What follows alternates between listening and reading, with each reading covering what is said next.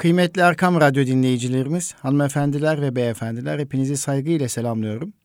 Bütün iyilikler ve güzellikler sizlerin ve bizlerin olsun inşallah. Bugün İstanbul Gönüllü Eğitimciler Derneğimizin katkılarıyla hazırlanan Eğitim Dünyası programındasınız. Ben Deniz Nuri Özkan efendim. Araçların başında biz, bizleri dinleyen kıymetli sürücülerimize de hayırlı yolculuklar diliyoruz.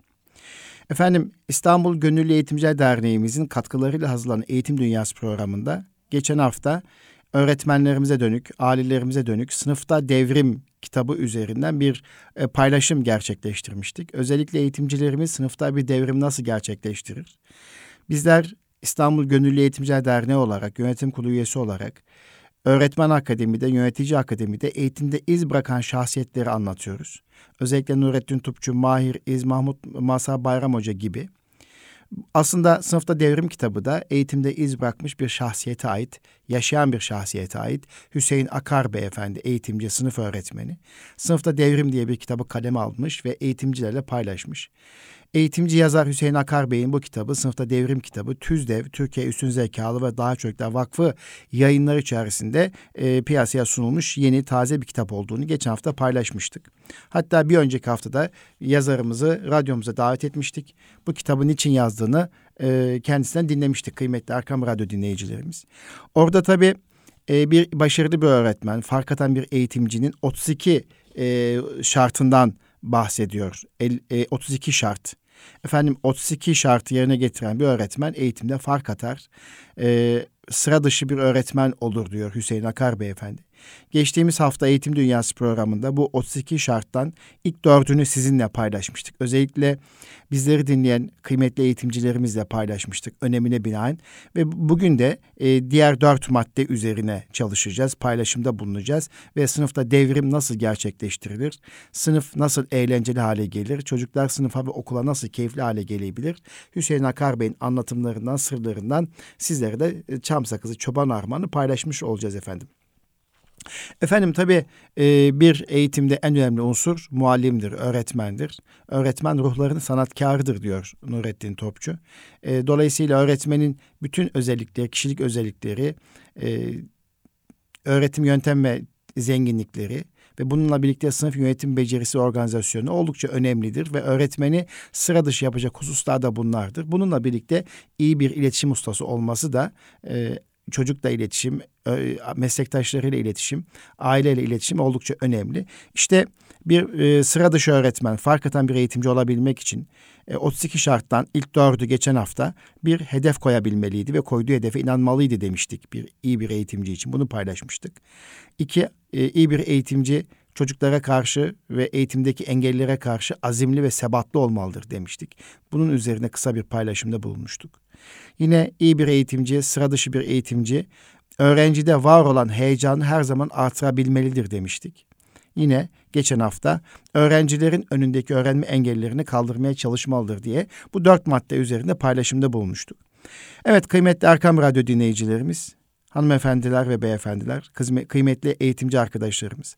Bugün de e, öğretme heyecanı nasıl duyulur? Değişime nasıl istekli olunur, açık olunur? Açık zihinli nasıl davranılır? Ne demek açık zihinli davranmak? İyi bir model olmak ve bir eğitimci için olmazsa olmaz şartlardan bir tanesi adil olmak üzerine paylaşımda bulunacağız. Eğer vakit kalacak olursa da akıl teri ve alın teri dökmenin hususiyeti hakkında paylaşımda bulunacağız kıymetli dostlar. Tabii iyi bir e, eğitimci öğretme heyecanı duymalıdır kıymetli dostlar. Bu heyecan çok önemli.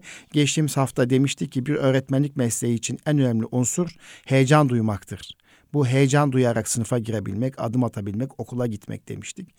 İşte dolayısıyla öğretme heyecanı nasıl duyulur? Bunu paylaşıyorum. Başarmak, ortaya bir şeyler koymak, üretmek demektir. Başaramıyorsanız ortaya bir şeyler koyamıyor, üretemiyorsunuz demektir her başarıda başaran kişinin kendini gerçekleştirdiğini ve onun heyecanını bulursunuz.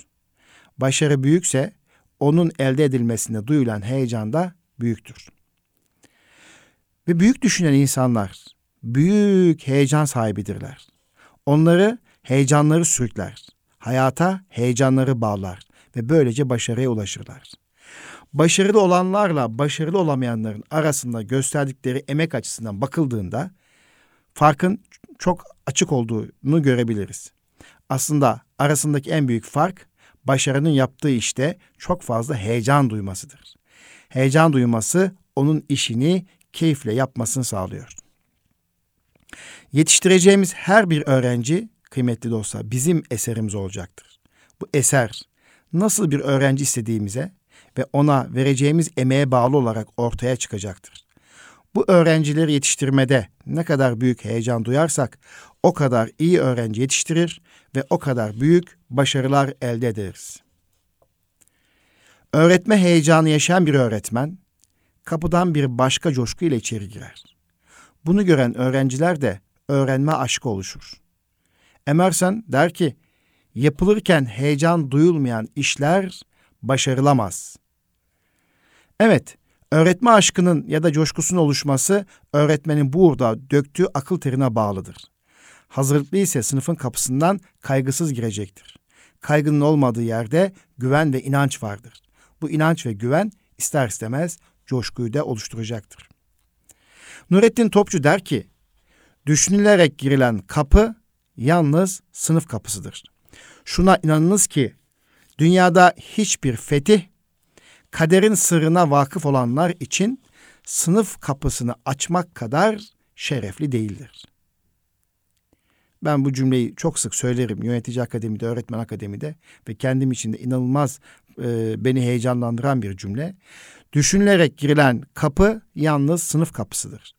Şuna inanınız ki dünyada hiçbir fetih kaderin sırrına vakıf olanlar için sınıf kapısını açmaktan daha şerefli değildir.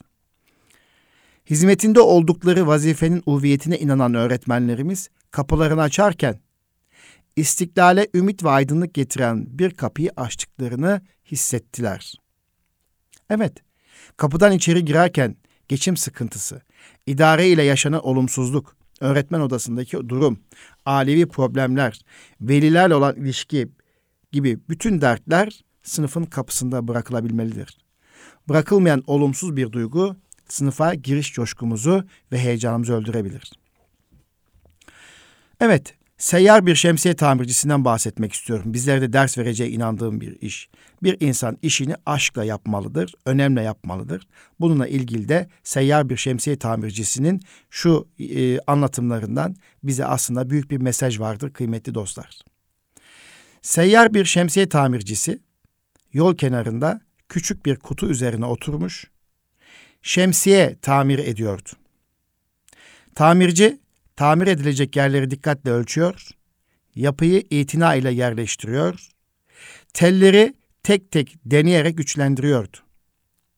Adamı hayranlıkla seyreden bir genç yanına yaklaştı. İşinizi çok dikkatli yapıyorsunuz, dedi. Şemsiye tamircisi elindeki işi bırakmadan, evet, ben her zaman işimi iyi yapmaya çalışırım diye cevap verdi. Müşterileriniz işinizi iyi veya kötü yaptığınızı ancak siz gittikten sonra anlayacaklar. Dedi o genç adam. Şemsiye tamircisi ise evet haklısınız. Yine genç adam dedi ki bu tarafa tekrar mı geleceksiniz? Şemsiye tamircisi hayır. Genç artan bir hayranlık ve merakla sordu. O halde niçin bu kadar titizsiniz? Tamirci cevap verdi. O zaman benden sonra buradan geçecek tamircinin işi kolaylaşacak. Ben eğer kötü malzeme kullanır, işimi baştan sağma yaparsam halk bunu er geç anlayacak ve ondan sonra buradan geçen tamirciye kimse iş vermeyecek. Evet, kıymetli Erkam Radyo dinleyicilerimiz, hanımefendiler ve beyefendiler, herkes işini bu şekilde önemseyerek, aşkla yapmış olsa, sadece kendisini değil, kendi mesleğiyle ilgili diğer meslektaşlarını da düşünerek, onların hukukuna, rızkına helal getirmeyecek, halel getirmeyecek şekliyle bir çalışma yapmış olsa, ne olur? Bütün mesleklerin saygınlığı artar. İnanılmaz bir saygınlık gelişir. Herkes işini önemseyerek ve aşkla yapmalı, yapabilmeli. Gayretimiz, çabamız bu aşkı oluşturabilmek. İşte bir muallim de sınıfa öyle bir girmeli ki heyecan yüksek bir şekilde sınıfa girdiği zaman aynen Emerson'un dediği gibi yapılırken heyecan duyulmayan işler başarılamaz diyor. Zıttı ne? Yaparken işlerde heyecan duymak. Bu mesleğin en önemli çimentosu heyecan duymaktır diyordu bizim İGEDER'in yönetim kurulu üyesi İdris Topçuoğlu beyefendi. Evet. Bir şemsiye tamircisi gibi işini güzel yapan, tutkuya dönüştüren öğretmen karşısındaki öğrencisini düşünür. Onlara odaklandığı için de tüm derslerini, tüm dertlerini, özür diliyorum, tüm dertlerini unutur. Öfkeyle ya da dertlerimizle girdiğimiz sınıflarımızda geçen her dakikamız mutluluğumuzdan, başarımızdan çalınmış saniyelerdir. Aynı zamanda tabii ki çocukların hakkını yemektir. Bir derdin varsa açabilirsin ağaçlara, ağaç yaprak verir. Sır vermez rüzgarlara diyor Cahit Sıtkı Tarancı efendim. Evet, kıymetli Erkam Radyo din, e, dinleyicilerimiz birincisi yani e, bugün paylaştığımız e, öğretmenin 32 şartından beşincisi öğretme heyecanı duymak dedik. Altıncısı da ne olmalıdır? Evet, ne olmalıdır? Bir öğretmen değişime ve gelişime açık olmalıdır. Herkes gibi herkes olabilir. Ama siz, siz olun. Daima kendinizi gerçekleştirin. Her insan yoğurt yese de sizin yoğurt yiyişiniz size özgü ve farklı olsun. Farklı olmanın yolu da değişim açık olmaktan geçer. Birileri bizim değişmemizi istemeden biz değişime istekli olmalıyız ve değişimi sürekli kılmalıyız. Bir düşünür diyor ki ancak aptallar ve ölüler düşüncelerini hiç değiştirmezler. Bizler ne aptalız ne de ölüyüz. Öğretmen toplumu değiştirmeye talip olduğu için öncelikle değişimin önemine inanmalıdır ve değişime öncülük etmelidir. Gelişime öncülük etmelidir. Öyleyse kendimizi geliştirmek için düşüncelerimizi yenileyip değiştirmek zorundayız. Medeni olmayan insanlar medeni olanların ayakları altında kalmaya mahkumdur. Ve yine başka bir düşünür de diyor ki eğer bütün insanlığı uyandırmak istiyorsanız bütünüyle kendinizi uyandırın. Dünyadaki acıları bitirmek istiyorsanız içinizdeki karanlığı ve negatif enerji yok edin. Aslında dünyaya verebileceğiniz en büyük hediye kendi değişiminizdir. Biz öğretmenler değiştirme ve geliştirme gücüne ve inancına sahip olduğumuz zaman kendimizi uyandıracak büyük değişime imza atacağız. Bu değişim ile de elde edilecek pozitif enerjiyle birlikte öğrencilerimiz ve içerisinde bulunduğumuz toplumda gerçekten gelişip değişecektir. Titiz mi titiz bir güvercindi ve yaşadığı yerin temizliğine son derece önem verirdi. Ama bir türlü anlamadığı bir sebepten ötürü yuvasını bir kokudur kaplıyor ve orayı yaşanılmaz hale getiriyordu. Bu yüzden defalarca yuva değiştirmişti. Ama her yeni yuvada aynı sorun kendisini arayıp buluyordu. Temiz bir yuvada mutluluk içinde yaşama özlemini bir türlü gerçekleştiremeyen bir güvercin, bu güvercin bir gün dalın üzerinde düşünceli düşünceli tünüyordu. Yanına yaşlı, tecrübeli bir güvercin, güvercin geldi. Halini hatırını sorduktan sonra mutsuzluğun nedenini öğrenmek istedi. Genç güvercin başından geçenleri tek tek anlattı. Temiz yuva sorununu bir türlü çözemediğinden şikayet etti. Yaşlı güvercin anlayışla kafasını bir iki defa öne arkaya sallayıp ona şu cevabı verdi. Değerli dostum, sen yuva değiştirerek problemi çözemezsin ki. Aslında böyle bir şey hiçbir şey değiştirmiş olmuyorsun. Böyle yapmakla hiçbir şey değiştirmiş olmuyorsun. Çünkü seni rahatsız eden koku yuvadan değil, senden geliyor. Yapman gereken farkında olmadan sürdürdüğün alışkanlıklarından vazgeçmek ve kendini değiştirmek. İşte bu hikayeden de anlaşılacağı gibi sadece kendimizi değiştirmeyi sağlayabilmek aslında çok şeyi halledecektir. Bütün dünyayı değiştirmene gerek yok. Sadece kendini değiştir ve tüm dünyayı değiştirmeye başlamış olacaksın. Çünkü sen dünyanın bir parçasısın. Tek bir insan bile değilse bu değişim binlerce insana ulaşacak. Tamamen yeni bir insanlık türünün doğmasına sebep olacak bir devrim için tetikleyici olacaksın diyor başka bir düşünür. Bir toplumda bir öğretmen değişirse inanın toplum değişir. Elbette bu değişim zaman ister. Bu değişim zaman ister. Toplumun değişmesini beklemeden kendimizi değiştirmenin yollarını daha çabuk bulabiliriz ve bunu kesinlikle aramalıyız. Bizim yetiştirdiğimiz öğrencilerimizin çağın gerisinde kalmaması için önce bizler değişmeliyiz ki böylece onları yaşayacakları çağın ilerisine yetiştirelim. Değişimin yolu önce kendini değiştirmekten geçer. Hazreti Ali radıyallahu anh diyor ki çocuklarınızı bulundukları çağa göre değil, yaşayacakları çağa göre hazırlayınız. Veya oradaki bulundukları çocuklarınızı yaşadıkları çağa göre değil, yaşayacakları çağa göre hazırlayınız, hazırlayınız buyuruyor.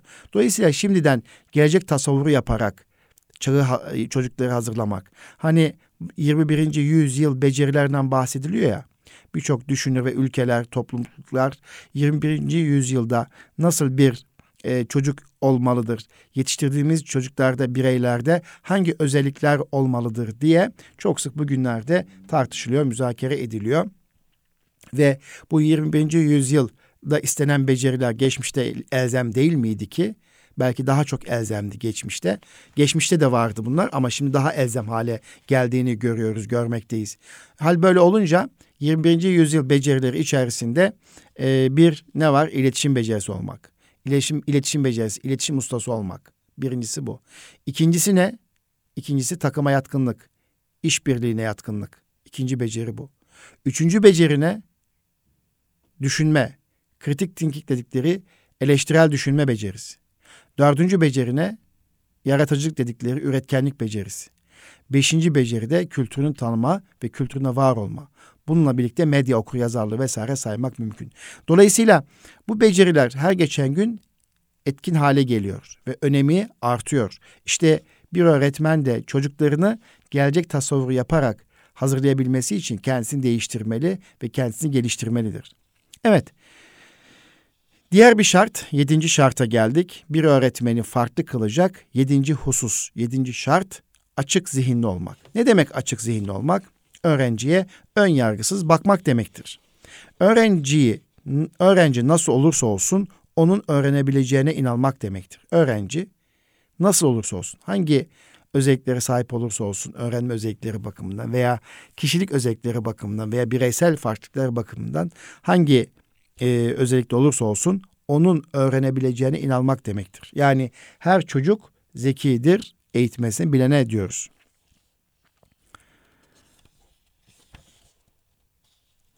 Evet, kıymetli Erkam Radyo dinleyicilerimiz, sınıflarda her yıl kaç öğrenci zihnimizi kapatıyoruz acaba? Veya eğitimciler sınıflarda her yıl kaç öğrenciye zihinlerini kapatıyor ve onların öğrenmelerini zorlaştırıyor ve onları e, katlediyoruz veya onların etiketliyoruz, öyle söyleyeyim. Hemen yaftalayıp gerizekalı damgasını vuruyoruz. Açık zihinle yaklaşmadığımız bir öğrenciye ağzımızla kuş tutsak da kuş tutsak da bir arpa boyu yol aldıramayız. İyi öğretmen, öğrencisinin öğrenebileceğine inanarak çalışan, öğrencisine açık zihnine yaklaşan öğretmen demektir. Evet, sekizinci şart bir eğitimcinin öne çıkan diğer hususiyetlerin bir tanesi de yani sekizinci şarta geldik. İyi bir model olması. Evet model olmak eğitimde önemli bir öğrenme şeklidir. Çocuklar akranlarından, ailelerinden ve öğretmenlerinden öğrenir. Çevre bu anlamda çocuklarımıza model olmalıdır. Sadece öğretmen değil, önce ailede model olma başlar. Aile bireylerin her biri, aile yakınları, sonra sokak, apartman komşuları, sonra çevre, okul, her biri bir bütündür. Sınıftaki diğer arkadaşları, sınıfta öğretmen, her biri iyi bir model olmalıdır. Modelle öğrenme en iyi öğrenme şeklidir. Hepimiz biliyoruz ya yengeç ile annesinin hikayesini. Ne, ne vardı o hikayede? Yengeç ile annesinin hikayesinde model almada iyi bir örnek olduğu için onu da burada gerçekten paylaşmak istiyorum. Neden böyle yan yan yürüyorsun yavrum diye sorar anne yengeç çocuğuna. Düzgün yürüsene der. Pekala anne der yavru yengeç. Sen önümden düzgün yürü ben seni takip ederim. Yavru yengeç gibi her çocuk hayata gözlerini açtıkları anda anne ve babasıyla tanışırlar. Yetiştirildiği ilk yıldan itibaren etrafında hep onlar vardır ve onları kişiliğini oluşturmak için örnek alır. Kız çocuğu annesini rol model alırken erkek çocuğu da isterseniz babasını rol model alır. Çocuklar boş bir kap gibidir. Ne konulursa onu alırlar. Fotoğraf makinesinin karşısında hangi görüntü varsa makinenin onu çektiği gibi çocuklar da büyüklerinin bilhassa anne ve babasının iyi ve kötü hareket ve sözlerin olduğu gibi kaparlar. Onun için onlara çok iyi örnek olunmalıdır. Sadece anne babalar mı? Okulda öğretmenler, sokakta bizler ve diğer basın mensupları, kamu sektörü, herkes aslında her birimiz yaptığımız tavır ve tutumla çocuklarımıza örnek olduğumuzun farkında vararak çalışma yapmamız ve dikkatli davranmamız gerekir. Eğer çocuklarımızın iyi insanlar olmasını istiyorsak önce bizler iyi olmalıyız. Çocuklarının içki, kumar, sigara ve daha başka kötü alışkanlıkla yakalanmalı istemeyen anne babalar bunları kendileri önce yapmalı, yapmamalıdır. Elinde sigara tutan bir baba çocuğuna sigara içme dese ve kumar masasındaki bir insan çocuklarına kumar oynamayın dese bunların çocuklar üzerinde ne tesir olabilir ki? Oğlu fazla bal yiyen bir aile varmış. Yüzüne özenle baktıkları ve üzerine titredikleri yavrunun bala düşkünlüğü hastalık çerçevesindeymiş. Biricik oğullarının bu yüzden bir zarara uğramasından endişelen ebeveyni, zamanın tabiplerine bir fayda bulamayınca o devrin alim ve mutasavvıfı Abdülkadir Geylani Hazretlerine götürmeye karar verirler. Devesine binen baba çocuğunu yanına alarak Bağdat'ın yolunu tutar. 5-10 saat yorucu bir yolculuktan sonra Bağdat'a varır. Abdülkadir Geylani Hazretleri'nin huzuruna çıkarak meseleyi ona anlatır. O büyük hazret çocuğu bana 40 gün sonra getir der. Adam bundaki hikmeti anlamayı 40 gün sonraya bırakarak çocuğunu alır ve aynı yoldan gelişte katlandığı çilelerle köyüne döner. Ve 40 gün sonra Bağdat'a Gavs-ı Azam'ın beldesine ulaşır. Abdülkadir Geylani Hazretleri çocuğu karşısına alarak evladım sakın bir daha fazla miktarda bal yeme der. Sonra çocuğun babasına dönerek al çocuğunu götür köyüne der. Şaşkın şaşkın bakan çocuğun babası. İş bu kadar kolay idiyse neden ilk geldiğimiz zaman yapı vermediniz? Abdülkadir Hazretleri'nin cevabına dikkat edelim. O gün ben kendim de bal yemiştim. Çocuğa bal yeme desem sözümün tesiri olmazdı. Vücudumda onun tesiri oldukça yapacağım nasihatın bir faydası olmayacağından senin 40 gün sonra gelmeni söylemiştim der. İşte büyük adam olabilmek için büyük çilelere göğüs germek ve nefis ferahatine sahip olmak gerekmektedir. Verdiği öğüdün tesir edebilmesi için 40 gün bal yemeyerek nefsine hakim olmak bir zatın elbette büyük çilelere katlanmış olmasını gösterir. İşte böyle bir zatın da tabii ki sözü tesir edecekti. Artık on, ondan sonra o çocuk bal yemez oldu. En basit görünen meselelerde bile hüküm böyle olursa, en zaruri dini meselelerde acaba ne kadar dikkatli olmak gerekmektedir, düşünmeliyiz. Yalandan çocuklarımızı uzak tutmak isteyen anne babalar ve bizler, kendi bizler yalan söylememeliyiz. Küçükken yaramazlık yapan çocuğunu babasının cezalandırılmasına kurtarmak isteyen anne, babası o yapmadı der. O hatayı kendisi yaptığını bilen çocuk o anda annesine yalan söyleme tohumunu kapmıştır bile. Evde olan baba gelen herhangi birisiyle görüşmek istediğinde babam evde yok de diye ona yalan söyleme talimi yaptırır. Böyle anneler babalar çocuklarının şeker, çikolata isteklerini de alayım diye söz verdikleri halde icabında almayınca unuttum demektedirler. İşte çocuk bunun bir yalan olduğunu anlar ama onlara izah edemez. Ertesi gün, daha ertesi gün yine unutulur. Çocuk bir güzel yalana alışverir. Ebeveynin sözlerinde durmayan insanlar olduğunu anlamış, o da zaman zaman yalan söyleyebileceğine inanmıştır. Sınıfta öğrencilerin tertipli, düzenli olmasını istiyorsanız önce bizim dolaplarımız, masamız tertipli, düzenli olmalıdır. Kitap okumayan bir öğretmenin öğrencisi ve anne babanın çocuğu nasıl kitap okusun ki? Nasıl kitabı sevsin? Sınıftaki panonun düzenine gösterdiğimiz hassasiyetin onların düzenli olması için verilen önemli mesaj olduğunu unutmamalıyız. Yazı tahtasına yapılan küçük bir düzensizliği onları önemsememek olarak kabul edip onlardan özür dileyerek silip düzeltmek defterlerin düzenli olması için atılmış en önemli adım demektir. Öğrenciler de bizleri önemsemek adına düzenli yazacak, defterlerini temiz kullanacaktır. Öyle bir hayatınız olsun ki öğrencilerimiz hakkaniyet ve dürüstlüğü düşündüklerinde akıllarına biz öğretmenler gelmeliyiz. Mevlana diyor ki, öğüt verecek insana değil, örnek olacak insana ihtiyaç var. İşte bu örnek insan öğretmen olduğu zaman örneğin yansıması da daha etkili olmaktadır efendim. Evet kıymetli Erkam Radyo dinleyicilerimiz doğru yaşamayı, hakkı, adaleti, insanları ve vatanını sevmeyi, vatan için çalışmayı öğreniyor çocuklar okullarda. Bunları yüreği vatan aşkıyla çarpan, insan sevgisiyle dolu, haktan, adaletten ayrılmayan bir modelden öğrenir. Yetiştirmek istediğimiz insan tipini iyi bilip ondan beklediğimiz ve ona vermeye çalıştığımız tüm güzellikleri ve özelliklere önce bir sahip olmalıyız. Onların gerçek modeli önce anne babalar, sonra da biz öğretmenler olduğumuzu lütfen unutmayalım.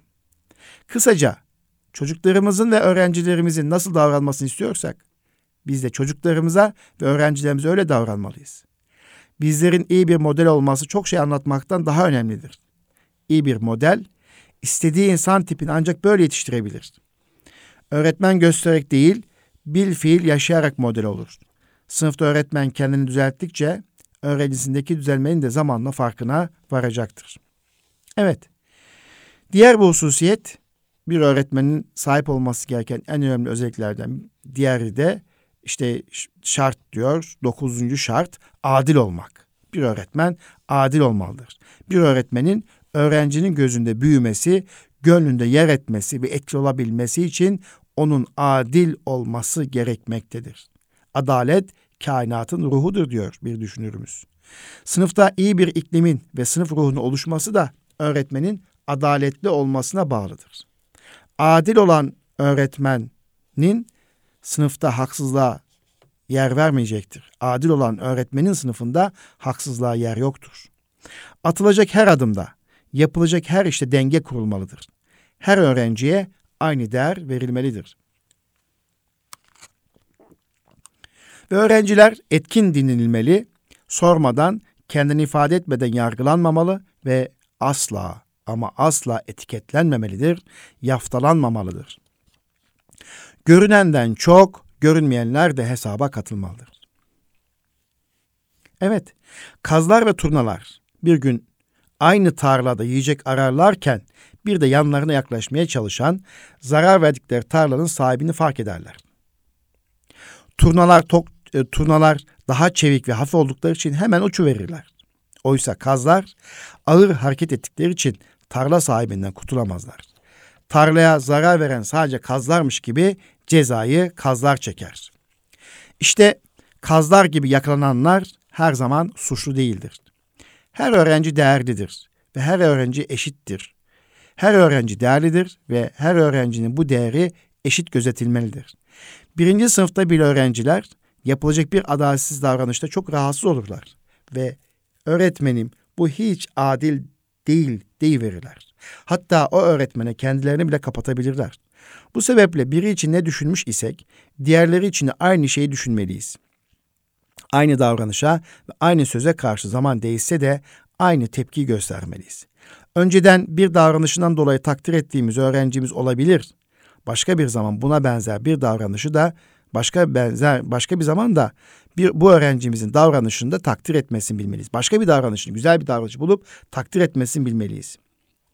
Evet, haksızlığa sapıp tüm insanlar seni takip edeceğine adaletle hareket edip tek başına kal daha iyi diyor Gandhi. Evet, kıymetli dostlar, Erkam Radyo dinleyicilerimiz, işte bir öğretmen de adil olmalıdır. Öğrencisine değer vermelidir. Öğrencinin e, değerli olduğunu hissettirmelidir diyor Hüseyin Akar Beyefendi sınıfta devrim kitabında efendim. Evet bir diğer madde esas yani öğretmenin fark atabilmesi için sıra dışı olabilmesi için 10. şart akıl teri dökmek. Evet akıl teri dökmek başarılı olmak isteyen bir öğretmen önüne çıkacak her türlü engeli aşacak gücü kendinde görebilen ve her şeye rağmen çalışmasını hız kesmeden devam edendir. Bir öğretmenin kendisine ve öğrencilerine yapacağı en büyük kötülük karşılaştığı güçlüklere boyun eğmesidir. Kendisine, kendisini engel olmaya başladığında ise bahaneler üretmeye başlayacaktır. Zaten bize bizden başkası da engel olamaz ki. Başarılı olmak isteyenler, başarı kazanmış insanların hayatına baksınlar. Onların her zaman, her ortamda, her şartta, kısacası her şeye rağmen çalışmayı sürdüren insanlar olduğunu görürüz. Hedeflerine ulaşmada hiçbir engel tanımazlar. Bunun için her meslekte olduğundan çok öğretmenlik mesleğinde istekli yapmak oldukça önemlidir. Mesleğimiz için heyecan duyuyor ve her okula gelişte yüreğimiz çarpıyorsa işimizi iş gibi görmüyoruz. O zaman bu işi gönülden, aşkla yapıyoruz demektir. İşimizi yüreğinize yerleştirmezsek gönül teri döktüğümüzü söyleyebiliriz. Gönül teri dökmeyen bir öğretmen akıl ve alın teri de dökemez. Gönül teri döken biri akıl teri döktüğü zaman alın teri de dökerek hedefine ulaşacaktır. İnsan verilen bir görev karşısında canla başla bedenen çalışması sonucu alın teri döker. Alın teri dinimizce de kutsaldır. Bir emeğin göstergesidir alın teri. Öğretmen gönülden bağlı olduğu mesleğini icra etmek için öğrencilerin dertleriyle dertlenir. Onları en iyi bir yere getirebilmek için çaba sarf eder. Bu çabası onun alın teri dökmesini sağlar. Akıl teri dökmek ise daha da önemlidir. Bir insanın karşılaştığı bir zorluğa odaklanması, onunla yatıp onunla kalkması, sürekli onu düşünmesi akıl teri dökmek demektir. Akıl teri döken insanlara Allah da yardım eder. Allah o kişinin bir çıkış kapısı bulmasına çalışır. Allah o kişinin bir çıkış kapısı bulmasını sağlar. Düne kadar çaresiz kaldığımız yerde bugün siz çare veriyorsunuz. İşte çare olmak akıl teri, teri dökmekle mümkün olur. Uykularınız hiç kaçmamışsa huzurlu uykulara kavuşamazsınız. İçinize bir istek doğduğunda her zaman için beraberinde bunu gerçekleştirmenizi sağlayan güç de verilir. Yeter ki o engelleri aşmak için içinizde bir istek, bir güç olsun. Fakat yine de onun için çalışmanız gerekir. Öğrencimize karşı güzel niyetler besleyip biraz da çalışmayı göze aldığımız zaman onu değiştirecek gücü kesinlikle kendimizde buluruz. Bu çözüm yollarını bulmak için akıl teri dökmek gerekiyor. Bunun başında onun öğrenebileceğine, ilerleme kaydedeceğine ve değişebileceğine inanmak da gerekir. Evet her zaman öğretmenin değişe, öğrencinin değişebileceğine inanmak gerekir. Onun değişim için çaba göstermek gerekir. Öğretmenin kabullendiği bir öğrenciyi elbette sınıf kabullenir ve dışlamaz. Sınıfın dışladığı bir öğrenciyi büyük bir ihtimalle öğretmen de dışlamış demektir. Böyle öğrencilere kendi çocuğumuz gibi düşünerek bakarsak işte o zaman akıl teri dökeriz. Ona çare olmaya başlarız. Çaresiz ve ümitsiz olduğunuz biri için akıl teri dökemezsiniz. Ümitsiz değilseniz çalışma gücünüzü yitirmiyor, çözüm yolu arayabiliyorsunuz. Akıl teri döküldüğünde de yeni fikirler üretiyor, çare olmaya başlıyorsunuz. Aşılması zor engelleri aşıyor, engelleri ortadan kaldırıyorsunuz. O zorlukların aşılmasıyla ulaşılan mutluluğu başka hiçbir şeyden alamıyorsunuz. Onun değişeceğine inanmanız, bu uğurda akıl teri dökmeniz, çaba göster çalışmanız sağlayacaktır. Sonuçta değişen, öğrenen, öğretmekten zevk alan, bu ülkenin gelişmesinde ben de varım demesini bilen o güzel öğrenciler hayata hazırlanmış oluyor. İşte zor öğrencilerin mesafe alabilmesi için önce gönülden bu işi yapmamız gerekiyor. Gönül teri dökebilen bir öğretmen her öğrencisini geliştirmek için akıl teri döker. Ona odaklanır. Hangi alanda en iyi olduğunu tespit eder ve o alan üzerine senaryo yazar. İşte ve senaryosunda aşkla oynar. Taşıma suyla değirmeni döndürmeye çalışmak ne kadar zorsa, başka fikirlerle kendi sınıfını yönetmek ya da kendi öğrencisinin problemini tamamen özdeşleştirmeyle problemi çözmek o kadar zordur. Elbette kaynaklardan, literatürden faydalanacağız. Ama biz akıl teri dökerek çözüm yolu üreteceğiz. Ne başka bir düşünür diyor ki, bilginin efendisi olmak için çalışmanın uşağı olmak şarttır diyor. Çalışmak bilmenin ve çözüm yolu üretmenin tek şartıdır. Evet, yine son bir e, başka bir madde bu eğitim dünyası programında paylaşabileceğimiz belki son madde olabilir. Süremizin de azaldığını görüyorum kıymetli Erkam Radyo dinleyicilerimiz. Bir öğretmenin fark atabilmesi için, sıra dışı bir öğretmen olabilmesi için e, sınıfta devrim kitabında 32 şarttan bahsediliyor. Bu 32 şarttan biz bir önceki programda 4 tanesini paylaşmıştık, okumuştuk. Şimdi de 6 tanesi okuduk. Bir de son bir madde yani bugün için son bir madde 11. madde. Kadife sesli olmak. Kadife sesli olmak ne demek? Öğretmeni nasıl sıra dışı kılıyor, yapıyor. Evet bununla birlikte Eğitim Dünyası programımızın sonuna gelmiş oluruz bunu paylaştıktan sonra. Evet bir öğretmen kadife sesli olmalıdır. Gerçekten öğretmenlikte sesi etkili kullanmak bir sanattır. Sesin öğrenmede etkili olduğunu önceden bilmiyordum. Gerçekten ben bilmiyordum. Öğretmenlerimizin yüksek sesle ders, ders anlatmasında bir farklılık olarak görüyordum. Ben de yüksek bir ders, yüksek sesle ders anlatıyordum. Ta ki bu kitabın yazarı Hüseyin Akar Beyefendi ile karşılaşıncaya kadar ben de gerçekten sesimi etkili bir şekilde kullanamıyordum ve yüksek sesle ders anlatılmasında bir farklılık olarak görüyordum. Evet, ders anlatırken yüksek ses kullanmanın yanında öğrenciye bağırmak, ona sınıfta hakaret etmek, öğrenci tamamen öğrenme ortamından ve okuldan ayırıyor, koparıyor. Buradan sadece öğretmenin bağırdığı öğrenci değil, bütün öğrenciler aslında sınıftan uzaklaşıyor. Sınıfta ödevlerini yapmayan, ders hazırlıklı gelmeyen öğrencilere bağırmak, çağırmak aslında bir çözüm olmadığını hepimiz biliyoruz. Evet yüksek ses ve yüksek sesle şiddete maruz kalan öğrenciler akademik yönden başarı olsalar da birçoğu hırçın, bitkin ve umutsuz oluyorlar. Mutsuz oluyorlar. Öğrencilerin ruh yapılarını bozmamak, derse odaklanmalarını sağlamak, onlarda var olan ahenkli devam ettirebilmek için sesi ahenkli kullanmak yani kısacası kadife sesli olmak gerekir. Kadife sesle öğrenmenin daha etkili, sınıfın ahenkli olduğunu, öğretmenin daha az yorulduğunu defaatlerce şahit olmuşumdur. Öğrenciler öğrenme zorluğu çektiği sırada biz öğretmenler veya anne babalar olarak sinirlenir, sesimizi yükselterek bir kez daha anlatırız. Oysa ki yüksek ses kullanarak kaç kez anlatırsak anlatalım çocuk yine anlamayacaktır.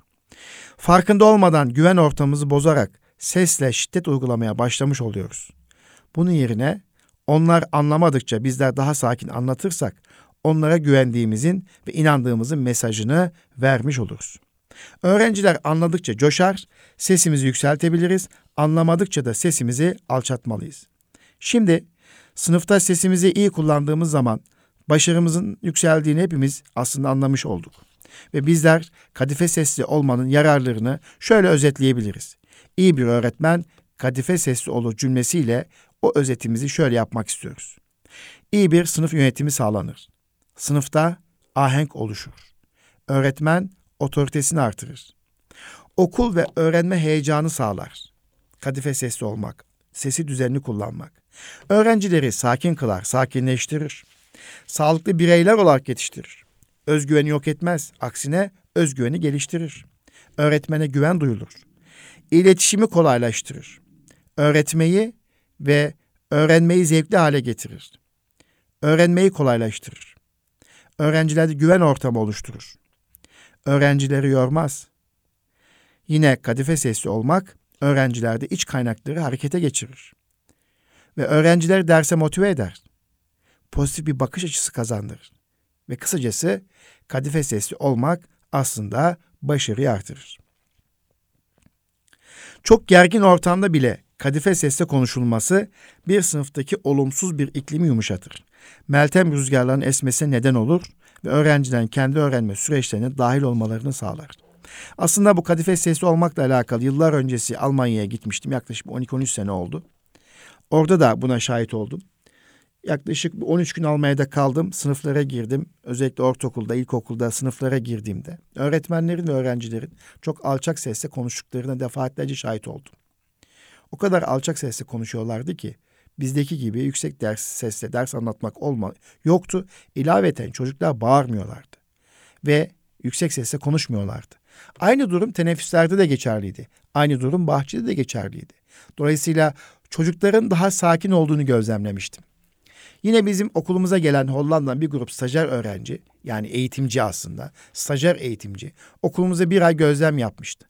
Bizim çocuklarımızın biraz daha yüksek sesle konuştuklarını, sınıfta da yüksek sesle konuştuklarını, koridor ve bahçede yüksek sesle konuştuklarına şahit olunca şaşırmıştı.